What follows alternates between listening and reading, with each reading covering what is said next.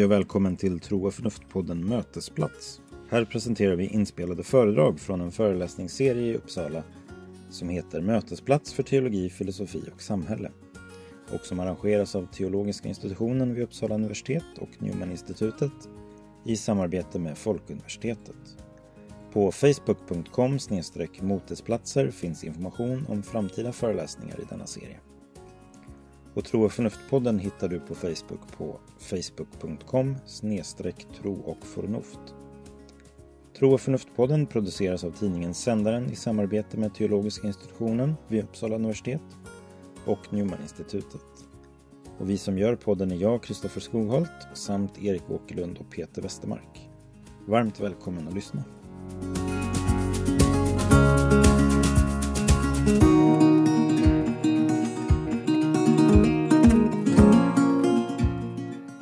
Dagens mötesplats är från den 3 oktober 2022 och har rubriken Gud vad kul! Om religion, humor och regisserad Instagramlycka.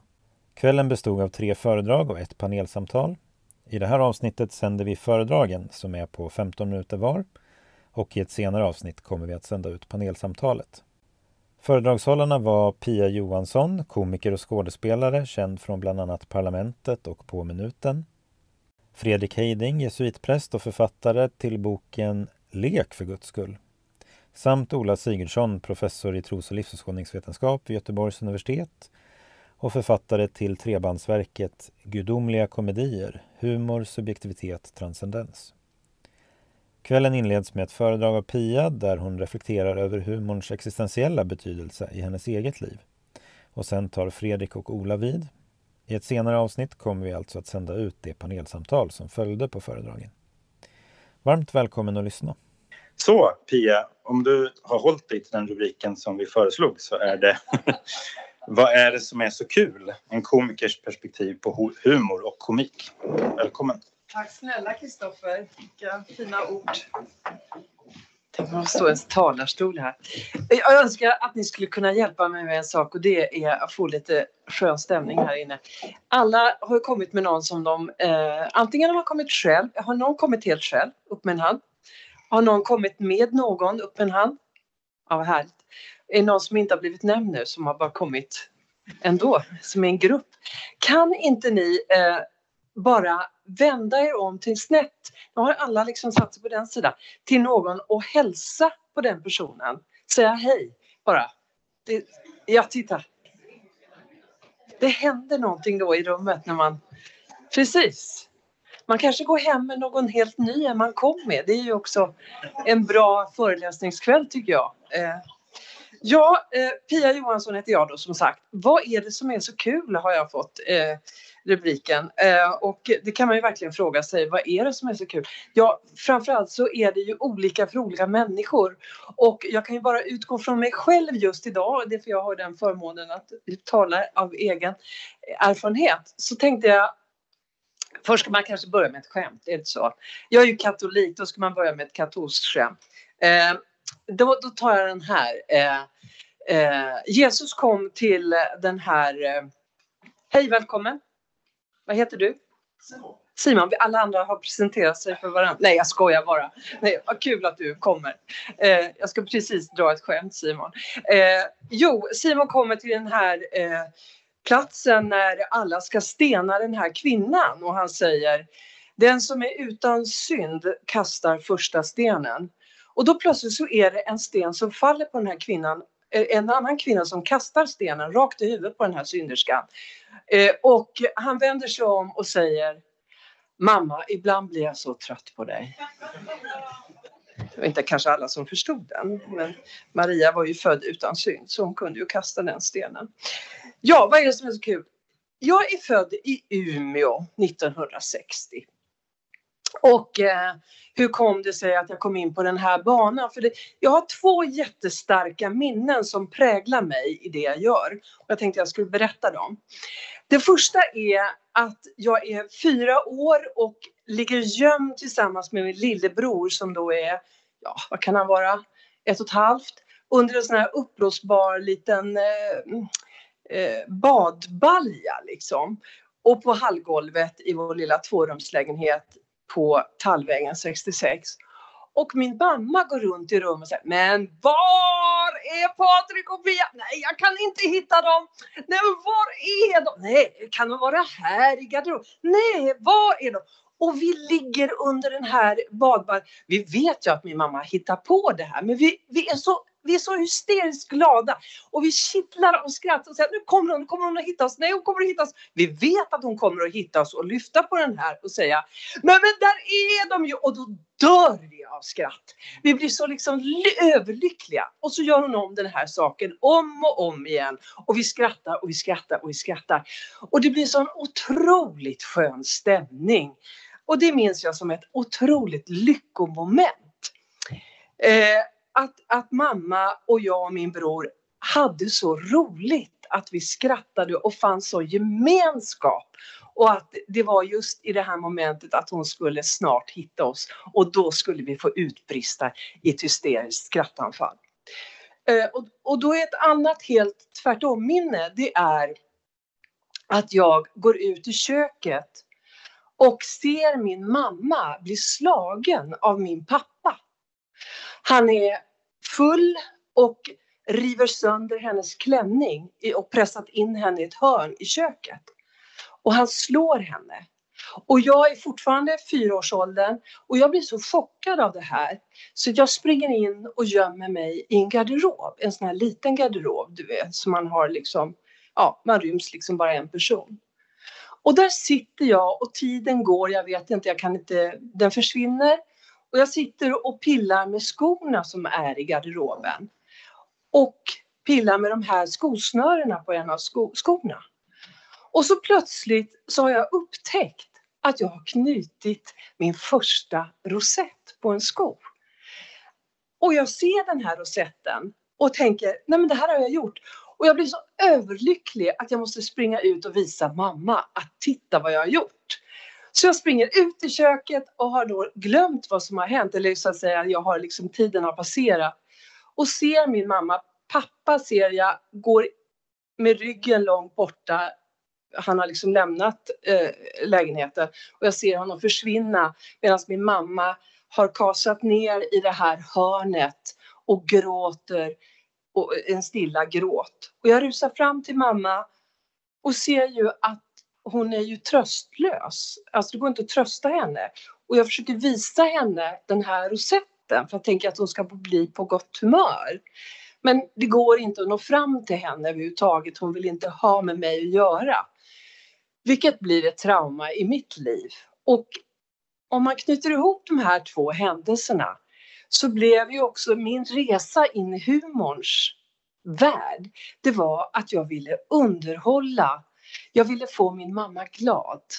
Jag ville få den här stämningen när vi alla kände den här gemenskapen som jag berättade i första minnet. Den här glädjen, den här euforin, den här som var liksom, man är här och nu och man vet inte liksom, tiden räknas inte. Eh, och eh, min pappa var ju alkoholist och, och eh, det, det, är en helt annan historia men, men han var pendlade så att det var inte alltid han var Eh, Eh, på det sättet. Men vi levde i alla fall under den här pressen hela tiden att det här kunde hända igen. Där skapade jag någon slags förmåga att eh, Alltså jag kan säga att jag fick någon slags eh, superkraft skulle man kunna säga att känna in jag kan känna in eh, stämningar, hur människor känner sig, hur, hur, hur är läget? Vad passar att säga här och nu? Men hela tiden med den här eh, känslan av att jag ville få ett bra klimat, alltså en bra energi. Att alla skulle bli glada, att alla skulle få, inte glada så att man skrattar för det finns ju någonting som är, eh, kan vara skadligt i det också så att säga. Men den här att få frid, att känna glädje, att få frid. Och eh, så jag var inte alls som barn den här liksom clownen som många kan tro, utan jag var ett väldigt introvert barn. Men jag var väldigt alltså, djupt eh, engagerad i att förändra tillvaron. Jag var också, eh, eh, hade djupa långa samtal med Gud. Jag var barn, hade en väldigt stark barnatro och var den kommer ifrån vet jag inte men den fanns där tidigt. Så jag hade långa samtal med Gud om det här. Och jag hade också väldigt många faktiskt roliga samtal med Gud. Jag kan säga att Gud har humor. Det är helt, eh, han skapade ju mig så att eh, eh, eh det, det är jag helt övertygad om att han har humor. Eh, därför att vad, vad, är det som gör att man skrattar då och vad är det eh, att, att eh, skratt, humor, att bli lycklig, det är så många olika saker och det är inte alltid samma sak heller.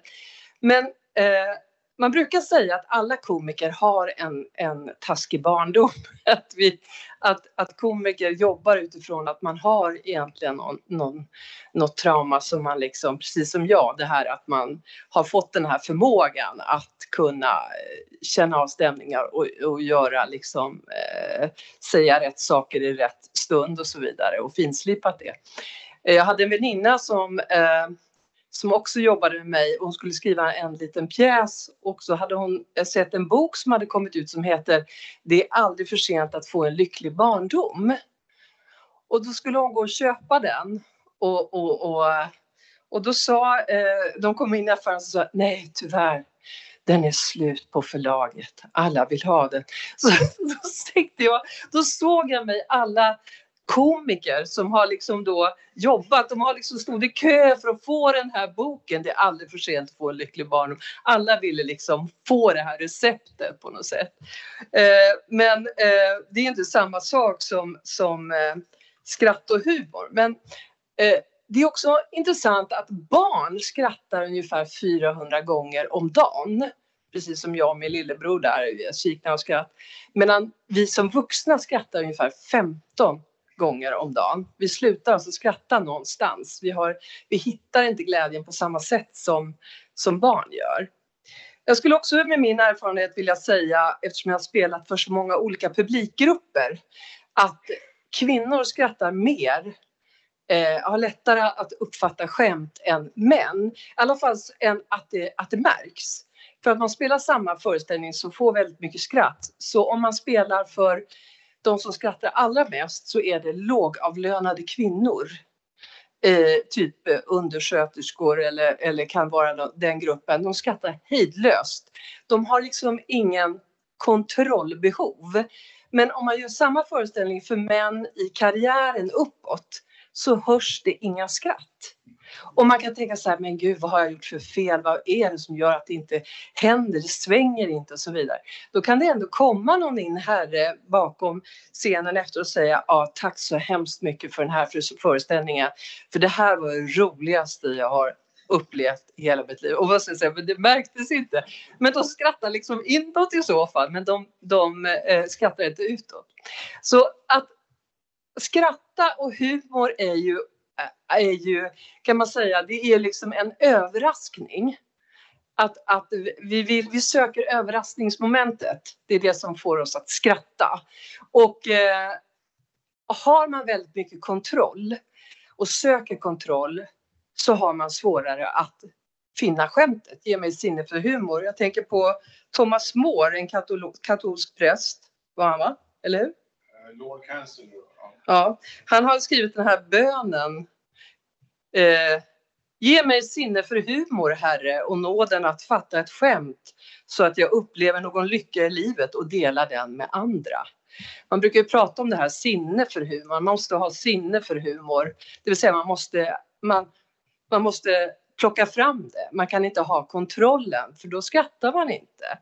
Det finns ju då tillfällen när man verkligen inte kan skratta eh, som min mamma där som blev slagen. Eller när man är otroligt fokuserad. Ska jag gå en balansgång eh, på en lina över en eh, skyskrapa till en annan till exempel så kan jag inte skratta. Jag måste vara fullständigt fokuserad. Är man fokuserad på att överleva överhuvudtaget, man kanske innan i, någon, man är i en kidnappningssituation eller man kanske är på något annat vis, så kan man inte heller skratta därför att man är fullkomligt, måste ha fokus på själva överlevnaden. Däremot finns det ju eh, eh, kidnappningshistorier som säger att när människor har varit fångna väldigt, väldigt länge så har ett sätt att överleva vara att man kunde eh, ge varandra olika skämt och skratta så att man kan få släppa på kontrollen. För när vi skrattar så, så, så händer ju någonting med våra kroppar, med våra hjärnor. Vi minns bättre. Vi, vi ökar immunförsvaret. Det finns massor med forskning på det här som gör att vi, vi mår helt enkelt bättre av att skratta. Det händer något i kroppen. Ni vet, om någon är väldigt, väldigt sur och står så här. Nej, jag tänker inte jag pratar med dig. Nej, så. Mm. Så har man ju stängt hela kroppen. Men om man går fram till den personen och bara så måste den släppa på den här kontrollen och då kan den inte hålla den där kontrollen och, och då händer någonting. Och det är liksom också en, en, en, en när man jobbar med att eh, göra människor glada. Det är liksom ens uppgift att hitta den där liksom, vad får dig att var ska jag kittla dig någonstans för att liksom få? För det bygger gemenskap, det bygger eh, att, att vi, vi kan tänka nya tankar helt enkelt. Vi, ja, vår hjärna börjar arbeta så att vi kan förändra saker. Vi kan förändra våra trasigheter som ju alla människor bär på. Eh, och eh, eh, det bygger relationer helt enkelt. Och då har man också sett på forskning att bebisar, alltså som är blinda sen födseln eller döva, de skrattar fast de aldrig har sett eller hört skratt. Så det är inbyggt i oss. Alla människor har förmågan att skratta. Eh, och eh, eh, just det, är min kvart över nu. Hur många sekunder har jag kvar? Du har två minuter. Och två minuter? Ja, men då ska jag berätta en rolig historia. Eh, jag tänker på också just det här, jag var väldigt deprimerad ett tag och eh Eh, jag hade jobbat eh, i yrket inte så länge och tyckte att allt jag hade fått lära mig på scenskolan fungerade inte. De här tre vena som vi hade fått lära oss på scenskolan. Vem är jag? Vad vill jag? Vart är jag på väg? Och varför de här? De funkade inte utan jag hittade på de tre håna. Hoppsan, hur kom jag hit? Hjälp mig härifrån. Därför att det var oftast där man handla, hamnade. Och det var ingen som hade talat om för mig att du oftast kommer du hamna i de situationerna. Men då kunde man lägga till ett extra H, liksom hur mycket får jag betalt så att man liksom på något vis tröstade sig. Vad man vet är när man hamnar i de här situationerna när det skiter sig så vet man också att det blir alltid en rolig historia. Om ett år, kanske redan nästa vecka. Men i alla katastrofsituationer så kan det bli en rolig historia. Det är bara att titta på Vasaskeppet som ju var en flopp. Men 350 år senare så blev det en succé eftersom det blev ett museum och så vidare. Så det, det kan, vi inte, det kan vi inte veta. Men eh, jag tittade då på den här filmen Hur ett barn blir till, Lennart Nilssons film, den här fantastiska när eh, spermien kommer till ägget och, och, och alla kampen och allting som kan hända innan det här barnet äntligen föds. Och då tänkte jag när jag såg den här filmen, herregud, livet är verkligen en gåva. Det är, alla är vi vinnare. Så tittade jag ut på gatan så tänkte jag så här, men gud, är det där fyllot som går på gatan, det är också en vinnare.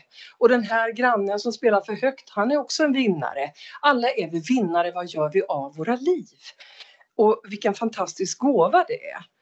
Och eh, så, så här läste jag sen att Lennart Nilsson som gjorde den här fantastiska filmen eh, ville äta lunch med Birgit Nilsson och frå, film, fråga om man fick filma hennes stämband också och göra en sån där kamera som är, för att hon har ju såna fantastiska. Och då sa Birgit Nilsson, nej vet du vad Lennart, jag vet nog var den där kameran har varit någonstans. Tack så mycket. Tack så mycket Pia. Fin inledning till kvällens tematik. Jag ska presentera Ola Sigurdsson som är professor i tros och livsåskådningsvetenskap som jag sa vid Göteborgs universitet och skriver ofta böcker som rör sig mellan systematisk teologi och kontinental filosofi. Och Ola är mycket produktiv författare. Jag har läst, räknade ut 5% av dina böcker, det vill säga en. Eh, men den utgör nog inte, tror jag, 5 av all text eftersom den senaste boken eller verket innehöll 1368 sidor och den jag läste innehöll bara 331 sidor. Men jag hoppas inte jag skrämt upp er för att det är inte bara ord utan innehåll. Välkommen! Tack! Tack så mycket! Eh, roligt att vara här. Jag vill också börja med en, eh, en eh, historia från min gymnasietid. När jag gick i gymnasiet så gick jag på Teknis i Borås och då hade jag en väldigt rolig kompis och, och, vi hade en massa projekt som inte så mycket handlar om våra studier utan om allting annat. Och han tyckte att vi skulle skriva en bok tillsammans som skulle heta När är det roligt? Eh, och det skulle vara en bok för dem med självupplevd brist på humor. Eh, och i den boken skulle man kunna slå upp om någonting var roligt eller inte. Och eftersom humor är ett så viktigt värde i vår tid eh, så är det ju att inte veta om det är roligt kan ju vara pinsamt. Eh, och då kunde man slå upp det i vår bok. Den, den boken har naturligtvis aldrig blivit verklighet och, och, jag har ända sedan gymnasiet eh, funderat på varför det inte går att skriva en sån bok. Och det är det roliga egentligen med den boken, att den går inte att skriva. Inte, inte min bok heller, på, på, eller tre böcker på 1368 sidor, är den boken. Eh, den är, jag försökte använda det i marknadsföring, att det är den längsta och tråkigaste bok som någonsin har skrivits om humor. Eh, en, en bok som, som en, en annan bok som handlar om humor som faktiskt finns är Umberto Ecos Rosens namn som kom ut 1980. Eh, ni har kanske sett filmen. Det skrapar. Ja, det lät bra. Fram tills mig. Jag tror du kom lite nära. Ja, okej, okay, jag drar mig tillbaka. Eh, Umberto Ecos Rosens namn som handlar om den försvunna andra delen av Aristoteles poetik. Och i poetiken eh, del två så skulle Aristoteles behandla komedin till, till skillnad från den första delen som finns bevarad som handlar om tragedin. Och Umberto Ecos detektivroman som in, utspelar sig i ett benediktinerkloster i Frankrike på 1300-talet. Den blir en infernalisk jakt på den här andra delen och framtonar en eh, kyrka som är skrattets fiende. Och det där var en eh, bok som nog betydde väldigt mycket för mig eh, på så sätt att det fick mig att börja studera filosofi och teologi. Eh, och den ställde också en fråga om är det verkligen sant att kyrka och religion är mot humor? Eh, snabbspolat till eh, ja, en 25 år senare eller 20 år senare så, så, när jag började skriva den här boken så insåg jag för att kunna förstå någonting om vad humor är så måste man också titta på historien, vad det har varit. Min fråga är för, inför humorn det är vilket slags väsen måste vi människor vara för att kunna tycka någonting är roligt? Det är en typisk filosofisk fråga. Vilka måste vi vara för att kunna tycka någonting är roligt? Men vilka vi är eller vilka vi tror och så här beror ju naturligtvis på historien. Och då upptäckte jag när jag började, först, först skulle jag skriva en liten kort bok om humor eh, eftersom ingen annan hade skrivit någonting om detta innan. Det visade sig naturligtvis att jag hade helt fel och att det finns väldigt mycket skrivet om humor genom historien. Men, men det jag upptäckte är också att det finns en utvecklingslinje som är väldigt intressant. Där vi mycket enkelt nu kan säga att å ena sidan har vi de gamla grekerna inklusive några som, av dem som talar latin, som skriver om humor. Aristoteles till exempel. Han är den som har bidragit med både terminologi och begreppslighet för diskussionen om humor, komedi och skratt genom århundraden.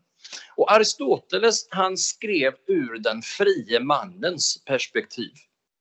Det fanns inte några slavar eller kvinnor som skrev, åtminstone finns det ingenting bevarat. Men Aristoteles han skrev ur den frie mannens perspektiv. Och för den frie mannen så handlar det om att inte tappa kontrollen. Och humor, som ni vet, är ju någonting som gör att vi kan tappa kontrollen. Helt enkelt därför att skrattet kan rycka oss med och man kan helt enkelt inte sluta skratta. Men för Aristoteles var inte det passande att skratta så mycket utan man måste gå den gyllene medelvägen. Man får inte vara tråkmånsen som inte skrattar alls men man får heller inte vara gycklaren som skrattar åt allt och försöker få andra att skratta utan man skulle vara som den kvicke som skrattar lagom och som inte låter sig själv skrattas åt för då tappar man kontrollen. Och, utan istället skrattar åt andra. Aristoteles å ena sidan. Sen finns det då den här enligt, eh, enligt eh, Eko, eller rättare sagt enligt figurerna i hans roman, eh, den andra delen där med kristendom och bibel. Finns det någon humor i bibeln? Ja, det finns ju inga, finns ju inga filosofiska begrepp om att nu kommer ett skämt här eller nu blir det roligt eller detta är ironi. Men vad som finns i Bibeln och som har varit historiskt väldigt betydelsefullt för, eh, för humorns utveckling, det är det som man brukar kalla vetekornets lag. Nämligen att det höga blir det låga och det låga blir det höga. Bibeln är inte en boksamling befolkad av hjältar utan en boksamling befolkad av antihjältar som aldrig gör riktigt det de ska utan misslyckas men eh, som används av Gud ändå. Och det här finns exempel, Abraham till exempel i, i Gamla Testamentet eh, men också Paulus i Korintierbreven som ställer dårskap mot vishet. Och jag brukar ta eh, intåget i Jerusalem när Jesus rider på en åsna eh, som var ju så som en, eh, en, en kung skulle krönas i staden på antiken. Men Jesus han rider inte på en fullblodshingst utan han, han rider på en åsna och han rider fram till templet men går inte in i templet.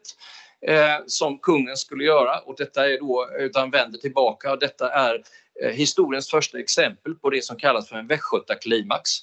Eh, nämligen att det inte blir någonting av det hela. Eh, och, och, och, det som kännetecknar Bibeln det är den här, eh, det är inte, det är inte att allting är ha-ha-roligt, även om det det finns ordvitsar och sånt också. Men, men det är den här omkastningen av perspektiv. Så att det är väldigt långt ifrån det passande. Varken Abraham eller Paulus eller de andra uppträder på något passande sätt. I den europeiska historien så ingår de här två eh, delarna en syntes. Och det tar många hundra år Eh, och ser ut på många olika sätt och flera av kyrkofäderna som var bildade människor på antikens vis, de bibehåller Aristoteles idé om den passande humorn. Så för Clemens av Alexandria och Johannes Chrysostomos så skulle man akta sig för att skratta, för det kunde gå riktigt illa. Eh, men så småningom under renässansen så, så kommer de här två delarna att gå i syntes med varandra. Och plötsligt så har vi en helt annan syn. Ja, det är inte så plötsligt egentligen, men gradvis har vi en annan syn på humor. Så om man tittar på 1500-talet som ibland kallas för dårskapens århundrade så kan man, kan man läsa Erasmus av Rotterdam som skrev om dårskapens lov och för den delen Martin Luther som använder humor och skriver om humor.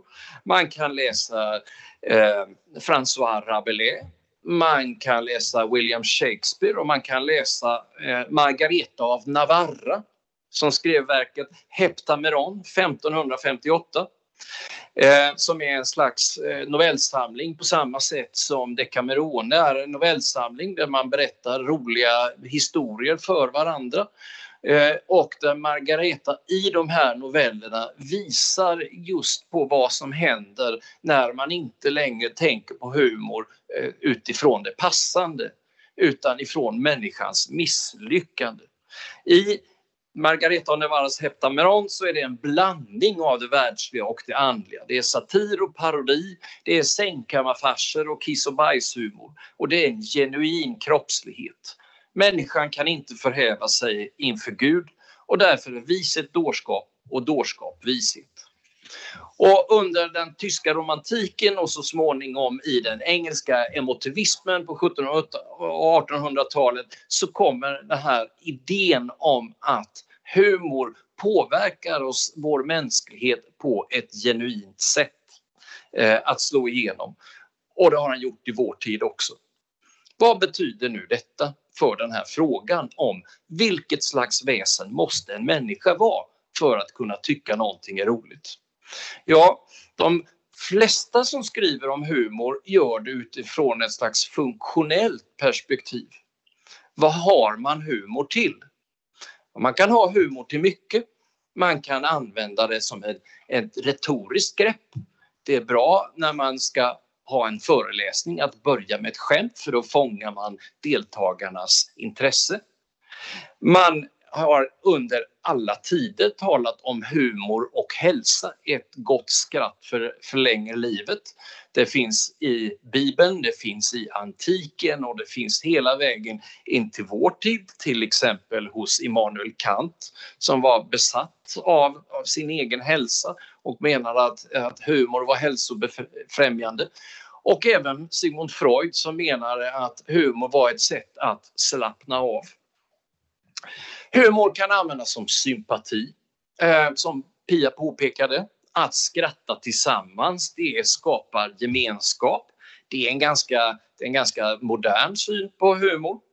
Men en annan syn på humor, ett annat användningsområde, det är humor som antagonism. Och det där måste vi tänka på när vi pratar om humor, att humor har i alla tider, också i vår egen, använts som ett sätt att håna människor. När jag var liten var det väldigt populärt med Norgevitsar. Och, och norrmän berättade säkert vitsar om svenskar också. Så det kan tyckas inte vara så farligt. Men det är ganska typiskt att man använder humor för att skoja om andra grupper som man själv inte tillhör. Och i vår tid så är humor ett värde. Humor har med civilisation att göra. Och därför att anklaga någon för att ha brist på humor, det är nästan det svåraste man kan anklaga någon för. Men det görs hela tiden, också i vår tid, också på kultursidorna till exempel. Kvinnor har ingen humor, muslimer har ingen humor, religiösa har ingen humor. Och så säger någon emot och så säger de ja men det här är ju en, en, en eh, karikatyr av dig, varför skrattar du inte då?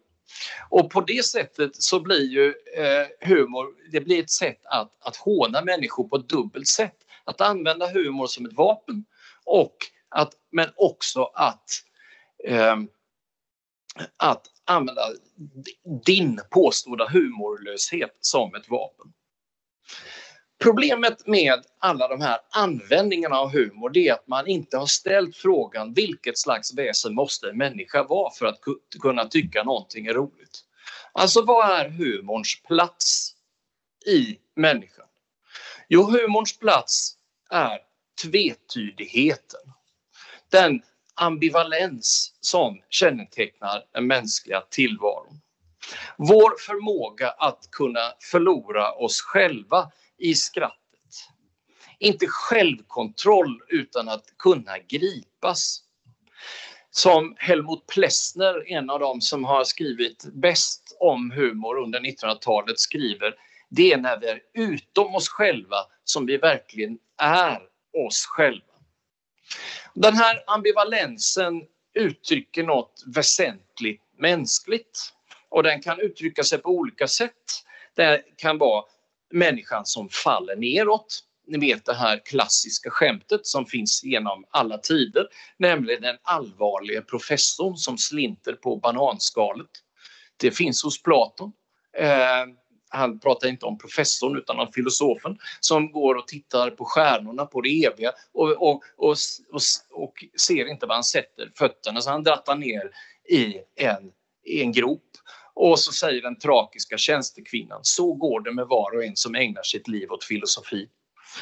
Eh, människan faller neråt, men människan faller också uppåt. Alltså till exempel när våra chefer, låt oss säga att ni jobbar på ett medelstort västsvenskt universitet och cheferna kommer med sina handlings och verksamhetsplaner och vill att du ska tro att det här är någonting som inte bara är fiktion. ja då är ju humor ett, ett, ett vapen att, att frigöra sig från den här inskränkande bokstavstrogna tilltron till handlings och verksamhetsplaner. Så människan faller både uppåt och neråt. Humor kan ha med hopp att göra. Freuds eh, vits från 1926 i essän Der Humor, eh, Eh, en, en enda vits där. Veckan börjar bra, sa han som skulle hängas på en måndag. Eh, det finns ofta någonting framåtsyftande också i galghumor va? som visar på den här hoppfullheten, alltså inte optimism men ett sätt att tackla tillvaron med humor även i de allra mest smärtsamma historier.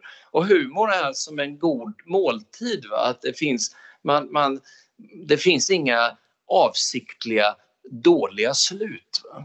Eh, man, man, på, en, på en god middag vill man ha ett lyckligt slut och inte en tragedi. Eh, om ni tänker efter på desserter så förstår ni vad jag menar. Humor är en form av affirmation. Att skratta tillsammans, som vi har pratat om. Och humor är också en form av nåd. Att vi bejakas utan vår egen förtjänst att kunna skratta trots att man inser att man tillhör de misslyckade, eh, det är ett sätt eh, som själva livet affirmeras, att vi alla är segrare. Och det här eh, föreställningen om eh, den här människan som detta väsen, det är någonting som inte alltid har funnits där utan som har vuxit fram genom historien men som har blivit betydelsefullt i vår tid. Allt är naturligtvis inte humor. Men som Kierkegaard skriver på ett ställe, det sanna allvaret det är enheten av skämt och allvar. Tack så mycket. Tack så mycket Ola. Eh, då är det Fredrik Heinings tur som är doktor i praktisk teologi och lektor vid Newmaninstitutet i Uppsala och som har skrivit boken Lek för Guds skull som vi nämnde förut och Även en bok som heter Låt kroppen tala som handlar om relationen mellan kroppslighet och bön. Varsågod. Det var en eh, katolsk präst och en protestantisk präst och en judisk rabbin. Eh, och de diskuterade frågan när livet börjar. Den katolske prästen försvarade den katolska uppfattningen, och jag är alltså katolsk präst om ni hade missat det i presentationen här. Den katolske prästen försvarade den katolska uppfattningen att livet börjar vid befruktningen, vid konceptions, konceptionsögonblicket. Den protestantiska prästen kunde inte riktigt uttala sig å sin kyrkans vägnar eftersom den rymmer så många olika uppfattningar. Men hon framhöll att livet börjar vid födseln. Rabbinen menade dock att båda hade fel. Livet börjar när barnen flyttar hemifrån. Jag tänkte här eh, ta upp eh, frågan om Gud har humor. Har Gud humor och eh, angränsande frågeställningen är Gud lekfull? Jag tänkte erbjuda några tecken på att så är fallet. Om inte bevis eh, så åtminstone några tecken på att ja, Gud har humor. Gud är eh, lekfull. Eh, och eh, under den här framställningen så ska jag försöka hålla mig till regler eh, som följs i radioprogrammet På minuten. Eh, för de av er som hör eh, På minuten eh, de vet att det finns olika regler. Man ska inte tveka, inte staka sig, inte upprepa ord. Man får inte lämna själva samtalsämnet. Och sen fanns det ett tillägg lite längre fram att man får inte heller lämna lokalen. Och det finns lite andra regler. Man får inte stjäla någon annans upplägg så jag kan inte säga precis det som Pia och Ola har tagit fram här. Och då man, kan man protestera när någon har upprepat sig eller stakat sig eller stulit ett ämne så kan man då använda sån här tuta. Så jag tänkte att eh, Pia skulle få ha den. Eh, det finns ett undantag här. Jag kommer att använda orden Gud, Jesus, humor, lek och någonting annat ganska många gånger. Så får inte liksom protestera varje gång för det blir som tar så lång tid. Ja. Då kommer det till första tecknet på att Gud har humor. Och det är angränsande till frågan om Gud har, är, är lekfull.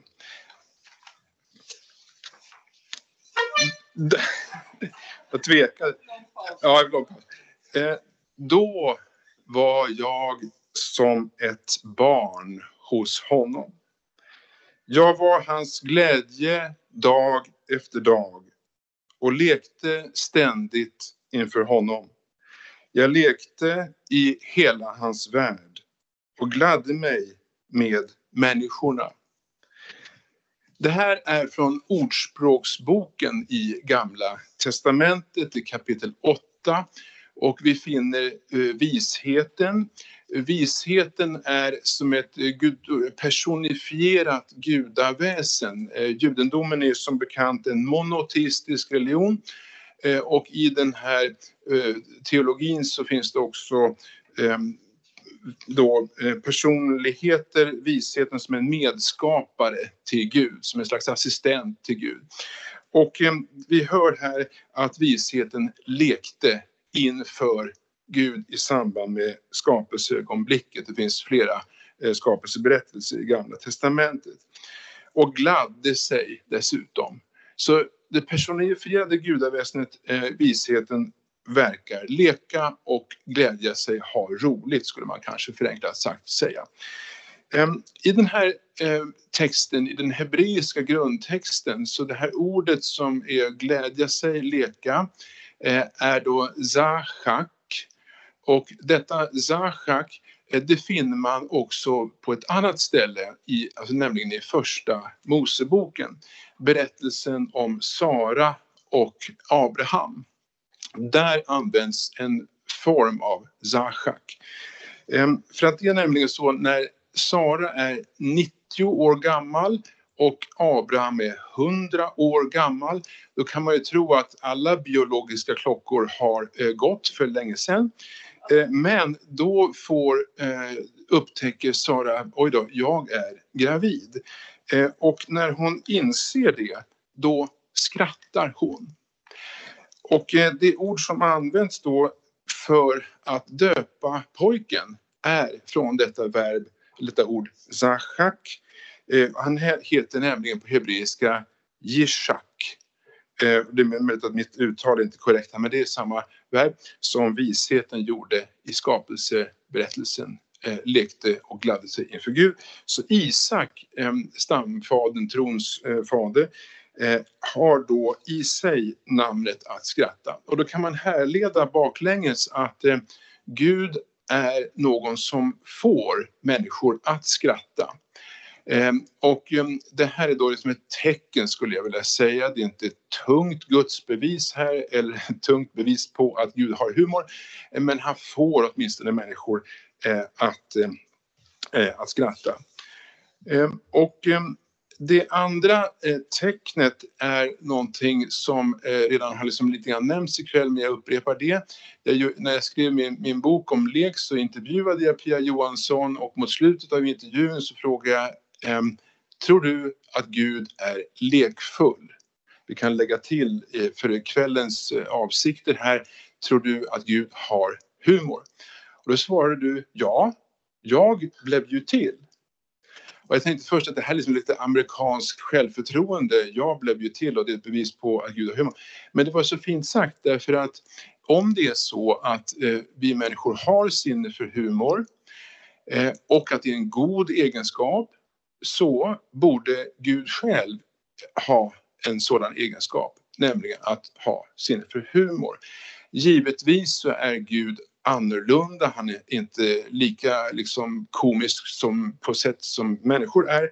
Eh, men det som är gott hos oss människor, det, det, måste finnas också på ett motsvarande och samtidigt mycket, mycket annorlunda sätt. Så det faktum att eh, eh Pia är en komisk eh, person och eh, eh uppträder i farser och så vidare eh, är en slags indirekt eh, också argument för att Gud själv har humor. Vi kommer då till eh, Jesus från Nasaret. Eh, har Gud humor är ju samtalsämnet och vi får inte glömma bort att Jesus Kristus är Gud. Jesus is God, som eh, min handledare sa. Och om vi betraktar möjligheten här att Jesus Kristus eh, hade humor eh, Eh, så ser man det på flera olika eh, ställen. Precis som Ola, nej du får inte upprepa vad ni har sagt, då skäller jag. Just det. Eh, det var någon som sa tidigare att att, att, att, det liksom står ju inte riktigt att nu är Gud rolig och så säger han så här, nu, nu skämtade Jesus med lärjungarna. Men man kan ändå se eh, lustigheter.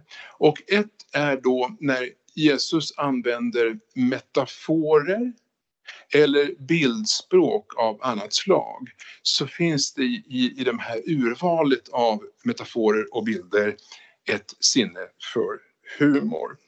Det finns ju ett antal eh, liknelser om eh, himmelriket i evangelietexterna om eh, Guds rike kallas det ibland. Och i eh, men det, problemet är att det är svårt att komma in i detta himmelrike. Och Jesus säger då till lärjungarna, sannerligen, det är svårt för en rik att komma in i himmelriket.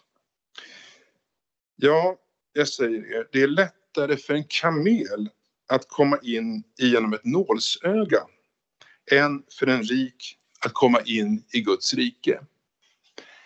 Så det, är alltså, det är lättare för en kamel att ta sig igenom ett litet nålsöga än vad det är för en rik person att komma in i himmelriket. Och då kan det väl vara så här att eh, eh de som går till kyrkan eller på något sätt har kommit i kontakt med bibeltexter läser det här lite snabbt eller hör det här lite snabbt och ja men så säger Jesus och Jesus är alltid allvarlig och det är bra att vi nu förstår att det är så här.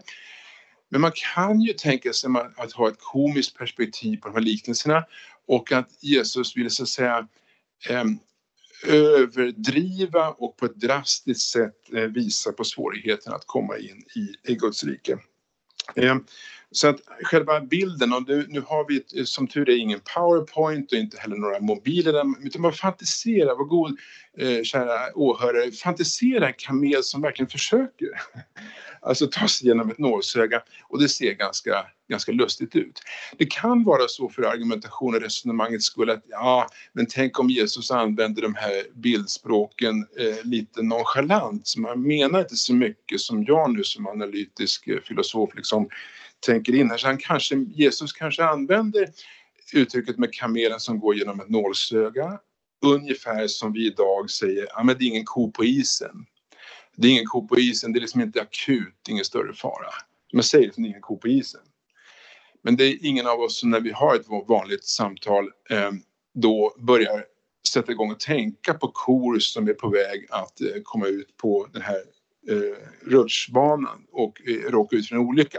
Så det är möjligt att man använder metaforer lite slarvigt sådär eh, utan att tänka på dem. Men om man ändå behåller möjligheten att Gud, Jesus faktiskt eh, ville säga någonting kul så får man då översätta det här till modern tid när Jesus säger eh, det är svårare för en kamel att ta sig genom ett nålsöga än för en rik och komma till himmelriket.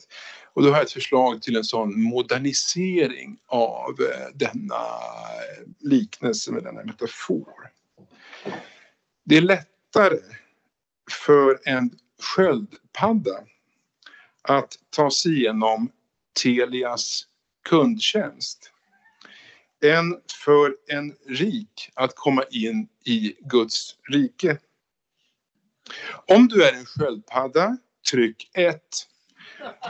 If you are an English turtle, press 2. Om du helt enkelt vill prata med en människa, glöm det. Om du bara är irriterad, irriterad och allmänt förbannad, tryck fyrkant. Och så här kan man då föreställa sig att eh, liksom, det finns kanske ännu roligare eh, moderniseringar men jag tror att man så, så kan man tänka sig att Jesus vill liksom få fram sina, sina poänger. Det finns ett antal eh, andra exempel och det är ju det när i Jesus eh, retorik, jag går inte in här så mycket på hur han också agerar och handlar och sådär i, i olika sammanhang, utan på hans retorik, och det är att han ofta har överdrifter. Men eftersom eh, vi kanske inte har samma kulturkrets och, och samma liksom förståelse av, av, den miljö han levde i i vår tid så missar vi ofta eh, de komiska poängen i själva överdrifterna som man har i sin retorik. Himmelriket var vi inne på och i en annan eh, evangelietext så eh, liknar Jesus himmelriket vid eh, då en surdeg som en kvinna arbetar in tre mått mjöl i. Och till slut blir allt sammans syrat. Och då hör man det där lite snabbt och tänker inte så mycket på det hela. Ja, men tre mått mjöl, det, det kanske blir om man, ja, man bakar lite grann, så tre mått mjöl, det blir kanske en liten limpa eller möjligtvis en liten baguette kanske det blir. Ja, tre mått mjöl. Men det är exegeter, alltså bibelvetare som har undersökt hur mycket är tre mått mjöl. Har, har ni liksom, är det någon av er som har bakat mycket och har en föreställning om hur mycket tre mått mjöl? Du tror också att det är liksom en, en liten baguette, en liten baguette. Alltså tre mått mjöl, det motsvarar cirka 23 kilo. Mm. Och med 23 eh, kilo mjöl, eh, bröd som bakas i sådana mängder, eh, det ger mat åt flera hundra personer. Ja. Eh, och då, då försöker Jesus liksom säga eh, med den här kolossala överdriften då, eh, det så överväldigande och fantastiskt är himmel eh, riket. Och då, liksom, man kan ju då i resonemanget säga, jo men han ville ha ett, en bild som eh, visar någonting enastående, omfattande, kolossalt som vi inte ens kan fantisera och därför tar han då 23 kilo mjöl. Eh, så. Men det är också liksom lite kul, är det inte det? För man har inte några, kanske så många kompisar som man skulle eh, baka hundra brödlimpor till. Ehm, eh, och mitt nästa eh, tunga bevis för att Gud, har, Gud är lekfull och Gud har humor, det är att eh, om vi betraktar djurvärlden. Då är det så att de flesta av oss eh, eh, tycker att eh, till exempel fåglar är eh, vackra och särskilt vissa ty typer av fåglar med olika färger och sådär. Eh, och, och, olika andra hundar till exempel kan man tycka är vackra om man har eller trevliga och så. Men man kanske inte tänker på att en del djurarter ser ju rätt så lustiga ut och ser ganska komiska ut. Eh, så till exempel eh, pingviner. När de går, jag vet inte riktigt exakt hur de går, men de går liksom lite sådär eh, vankar, vankar fram så. Och de ser lite kul ut. Va? En annan djurart som de flesta brukar ta som exempel när man kommer in på det här samtalsämnet är giraffer. Och rent funktionellt så är det bra för giraffen att kunna äta eh, blad eller vad det kan vara på höga trädgrenar. Men så kan man liksom undra hur, vad Gud tänkte på när han skapade så här långa halsar som girafferna har. Eh, de ser ju rätt så kul ut. Och ett eget eh, nordiskt, skandinaviskt exempel som jag har kommit på är då hackspettar. Om ni tittar på en hackspettar Eh, så först kanske man tycker ja, men de eh, hankar, hackar sig fram.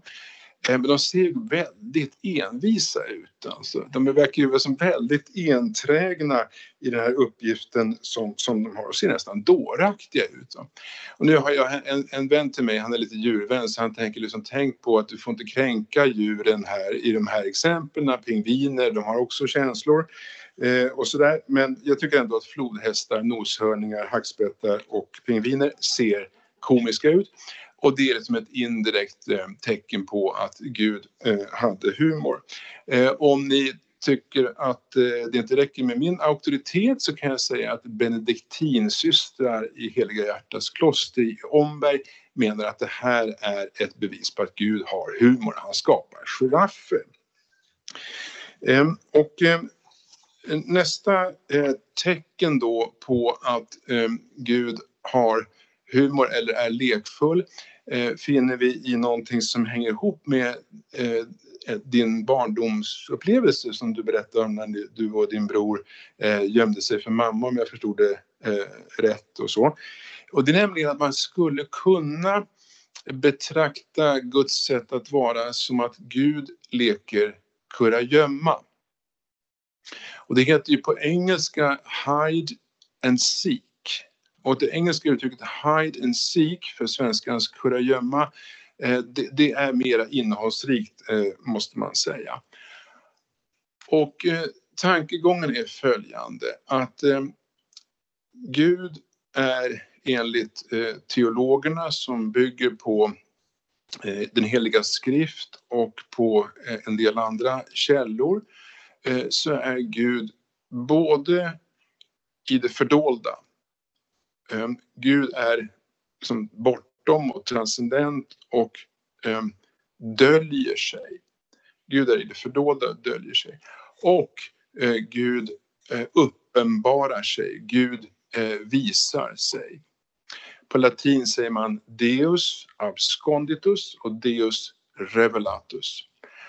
Och ehm, då, är, eh, då det finns ett exempel på det här när ni vet den här kända berättelsen när Moses eh, går upp på berget Sinai för att ta emot de eh, tio budorden. Eh, då är det intressant att hela det här berget Sinai eh, är omgärdat eller omgett av ett töcken, eh, som ett tjockt moln. Det finns liksom rök också i, i en annat avsnitt i den här bibeltexten. Eh, och de, men man hör Guds röst. Så Gud är fördold och man ser inte Gud men man hör honom. Och det finns en del andra berättelser om hur Gud är fördold och ändå eh, på något sätt blir uppenbarad. Eh, och eh, då kan man tänka sig, hur är det nu? Har Gud för en, en gång för alla uppenbarat sig eller är han fördold? Och, och finns det liksom någon styrsel på, på hans sätt att, att vara? Och en del har föreställningen om att eh, Gud eh, döljer sig och uppenbarar sig om vartannat. Och jag ska avsluta med ett citat då som eh, en berättelse som illustrerar just det här vi har talat om, att Gud leker kurragömma. Och det kommer från den judiske filosofen eh, Martin Buber och Martin Buber har samlat eh, berättelser från en tradition eh, som heter kassidismen och här finns det en sorglig, tragikomisk illustration av att Gud leker kurragömma, eller snarare hide and seek. En gång lekte rabbinen Baruks sonson, pojken Jeshiel, kurragömma med en annan pojke. Alltså, en gång lekte rabbinen Baruks sonson, pojken Jeshiel kurragömma med en annan pojke. Han gömde sig på ett bra ställe och väntade på att hans kamrat skulle leta efter honom. Efter att ha väntat länge kom han fram från sitt gömställe men ingen annan fanns där så långt, långt ögat kunde nå. Hittade inte honom. Jeshiel insåg då att denne aldrig ens hade börjat leta efter honom.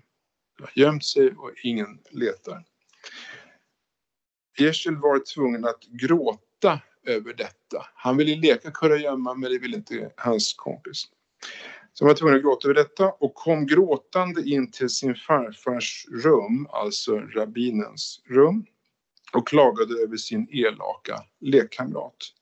Då fylldes rabbinen Baruks ögon av tårar och han sade så säger också Gud jag gömmer mig, men ingen vill söka efter mig. Och det här skulle man kunna säga att det är mer en tragikomisk eh, berättelse. Och med det vill jag avrunda.